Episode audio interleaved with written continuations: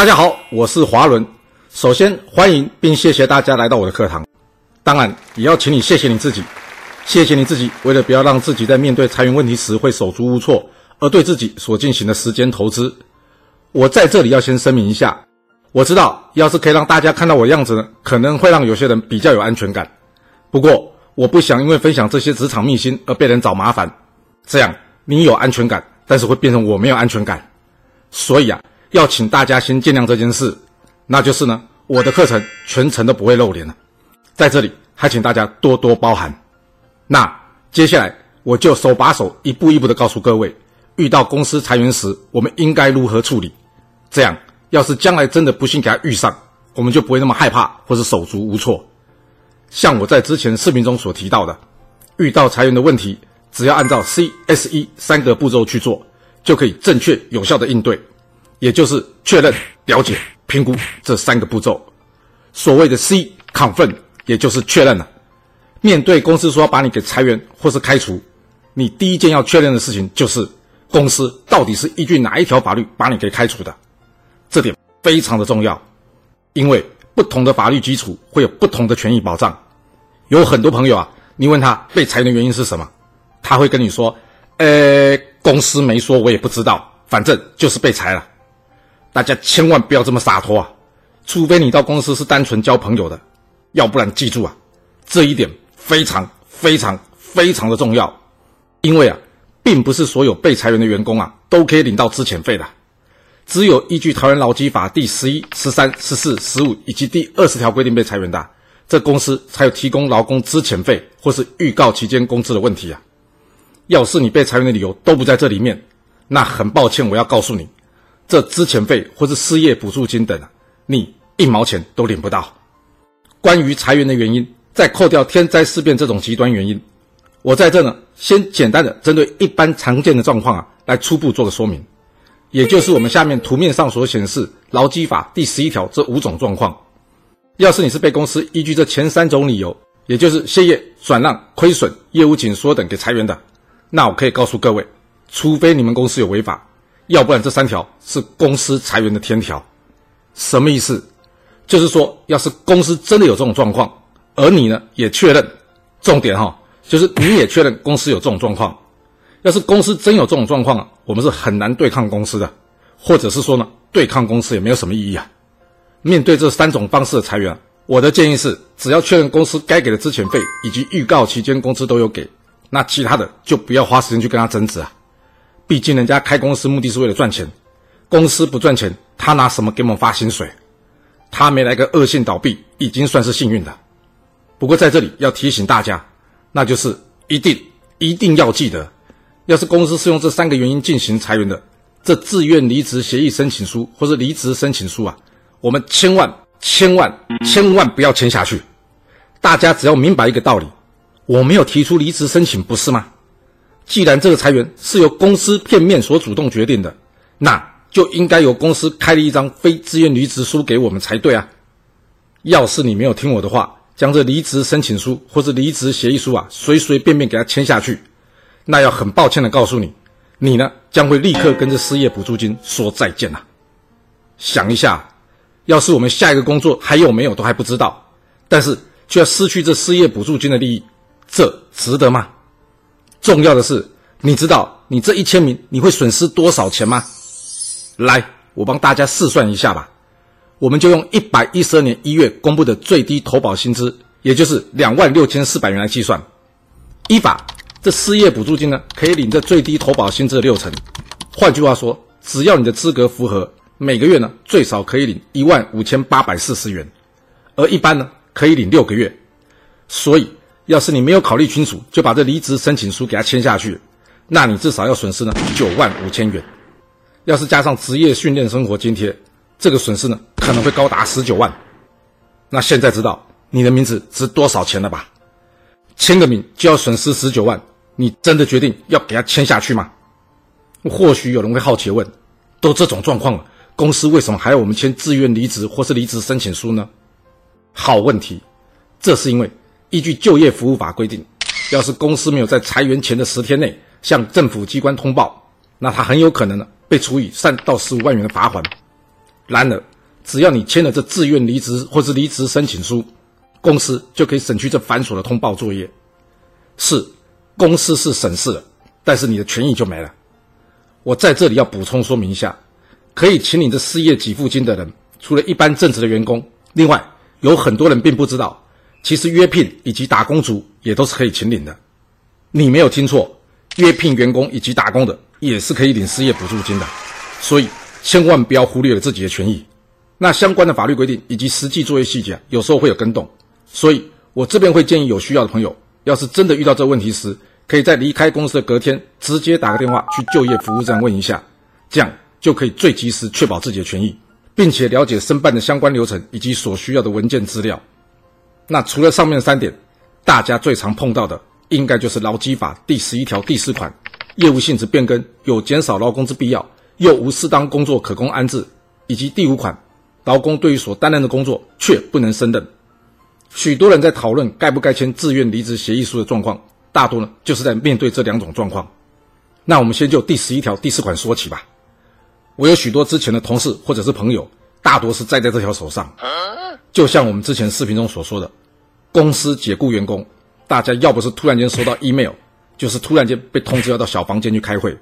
由于这能让大家思考或者是处理的时间啊都非常非常的短，基本上公司给你的时间，你大概连自愿离职协议书里面写的什么内容啊都还没有办法完全看得完，他就要你决定了。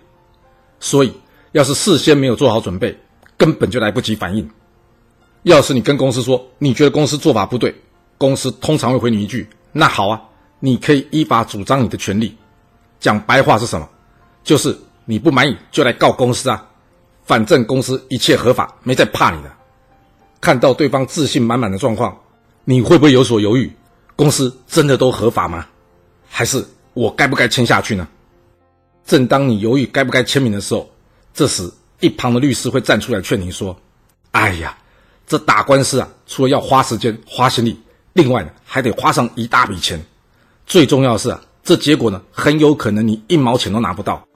与其花时间花钱，我建议你。”还不如多拿这一个月的薪资去找下一份工作，而同时呢，一旁的人事人员呢再补上一句：要是你不签这离职证明书上，就会写着你是被公司裁员的，而不是自愿离职的哦。一旦你离开这个小会议室，那你将会失去跟公司多拿这工资的机会，并且啊，还有可能影响你去找下一份工作。你要不要再考虑一下？好一句再考虑一下，其实这就是公司裁员暗黑技巧的起手式啊！想想看。在这种威胁利诱之下，大家知道该如何应对吗？我们再换另外一种常见的场景来跟各位说明，也就是公司依据第十一条第五款说你不能胜任工作，要对你进行 PIP 或是之前，一样是临时的通知，一样是小房间开会，而且呢也一样是这批人。通常会遇到状况的是，公司会先让你的直属主管跟你说你的表现不如预期，然后他会直接拿出员工改善计划书 PIP。以及自愿离职申请书出来，接着告诉你，你若是同意签了这自愿离职协议书，公司呢会给你好一点的离职条件，比方说多给你一个月到三个月的薪资。当然，要是你不签也行，那公司呢会立刻对你展开 PIP，并且呢要你在这 PIP 上签名。这时候主管会告诉你，要是 PIP 没通过，到时候你的离职证明书上所记载的离职原因将会是你不能胜任工作。那你自己想清楚哦，这会不会影响你将来找工作？我请问大家，那这份文件我们该签还是不该签啊？没错，这也是公司暗黑裁员的技巧之一啊。不过以上说的都还不是公司裁员的终极武器，你知道该如何应对吗？有些上网做过功课的人会知道，有很多的说法呢，都是告诉我们说不要签，但不签名之后呢？不签名难道就没事了吗？你知道，在面对这种事情，什么都不签的同事，公司的处理方式通常会有两种吗？一种就是不管你签不签，反正公司呢会叫你交出你员工识别证以及电脑等一切物品等等等，并且告诉你，明天起你可以不用进公司了。那我请问各位，你知道后面你要做什么吗？又或是你不签，公司虽然没有赶你走，但从当下起。老板就会开始特别的关照你，并且让你了解到什么叫做职场霸凌。面对这种状况，请问你该如何应对呢？那要不要签呢？其实该签与不签，或是说不签之后该如何处理，这个涉及到呢 CSE 的第二个步骤，也就是 Study 了解。我们需要了解什么呢？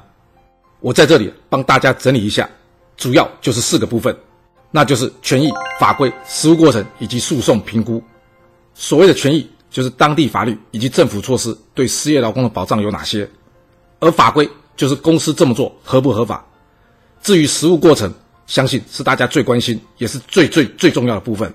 公司裁员的过程会如何进行？还有公司有哪些暗黑的伎俩或是招式？我该如何应对？才能让自己的权益呢不会受到损失，以及最后诉讼评估，就是我该不该告公司，打官司会需要花多少时间，怎么进行，会有哪些费用，还有我能打赢吗？我们先来说第一点权益的部分，在台湾，通常失业可以有的权益呢有五种，那就是资遣费、预告工资、失业给付、职业训练生活津贴以及法律辅助。这些规定呢，主要列在劳基法、就业保险法。劳资争议法律及生活费用辅助办法，还有就业促进津贴实施办法，以及劳动世界法之中，有兴趣的呢，可以自己先上网查询一下。那至于第二点法规，也就是公司做法合法性的评估，由于这一点呢，涉及到法律专业，而且判断过程相对复杂。虽然在劳基法中都有规范，但我可以告诉大家，实际上法院的实务见解可能跟我们理解的并不一致。我们就拿前面第十一条来打个比方说吧。我请问大家，你知道要如何定义什么叫做业务减缩吗？网络上会有很多资料告诉你，这点要看实际的状况。但什么是实际的状况？要怎么判断呢？这人已经在小房间，只剩下十分钟可以决定的你，你觉得你有时间或是有机会确认这些状况吗？要知道，人家公司可是做足了准备，并且派出了一些有经验又专业的人要来对付你，但你却两手空空，毫无准备去赴会。你觉得你的胜算，或是说做出正确判断机会有多少？又或是我们换上前面第十一条第五款不能胜任工作这点来说吧。网络上会有很多资料告诉我们，公司解雇员工需要符合解雇最后性手段原则，以及执行 PIP 需要符合 SMART，也就是一般所谓的 SMART 五原则。但真的是这样吗？你可以先到法院的网站上去查查看。有哪几则判决有在要求公司需要遵守这 SMART 五原则的？大家仔细看看劳基法第十一条第五款的规定内容。劳基法第十一条第五款的规定，劳工对于所担任的工作却不能胜任。那我请问大家，你在这条条文中有看到最后手段性原则，或者是说 PIP 的内容该如何制定吗？并没有，不是吗？大家都知道，法官是要依法判决的。那既然这不是法律规定，你要法官如何依法判决？所以，我可以很肯定的告诉大家，要是你不了解它真正的意义，稀里糊涂就照着这样做，还以为这样就能主张自己的权利，甚至是打赢官司，那你肯定会后悔的。没错，的确有很多判决有提到解雇最后性手段原则，但是只要大家肯花时间去查过，你就会发现，还有一大堆公司啊，在进行裁员的时候，他们。并没有使用解雇最后手段性原则，但是法院依旧认为这些公司的做法是对的，是有理由的。那你可以告诉我，你要如何确定你自己不会是那个不适用最后手段性原则的特例呢？想要确认这些问题，最好的方法就是在这件事发生之前，先去找个律师咨询一下。只不过还是同样一个问题，已经人在小房间的你，你觉得坐在你对面的主管人事以及律师？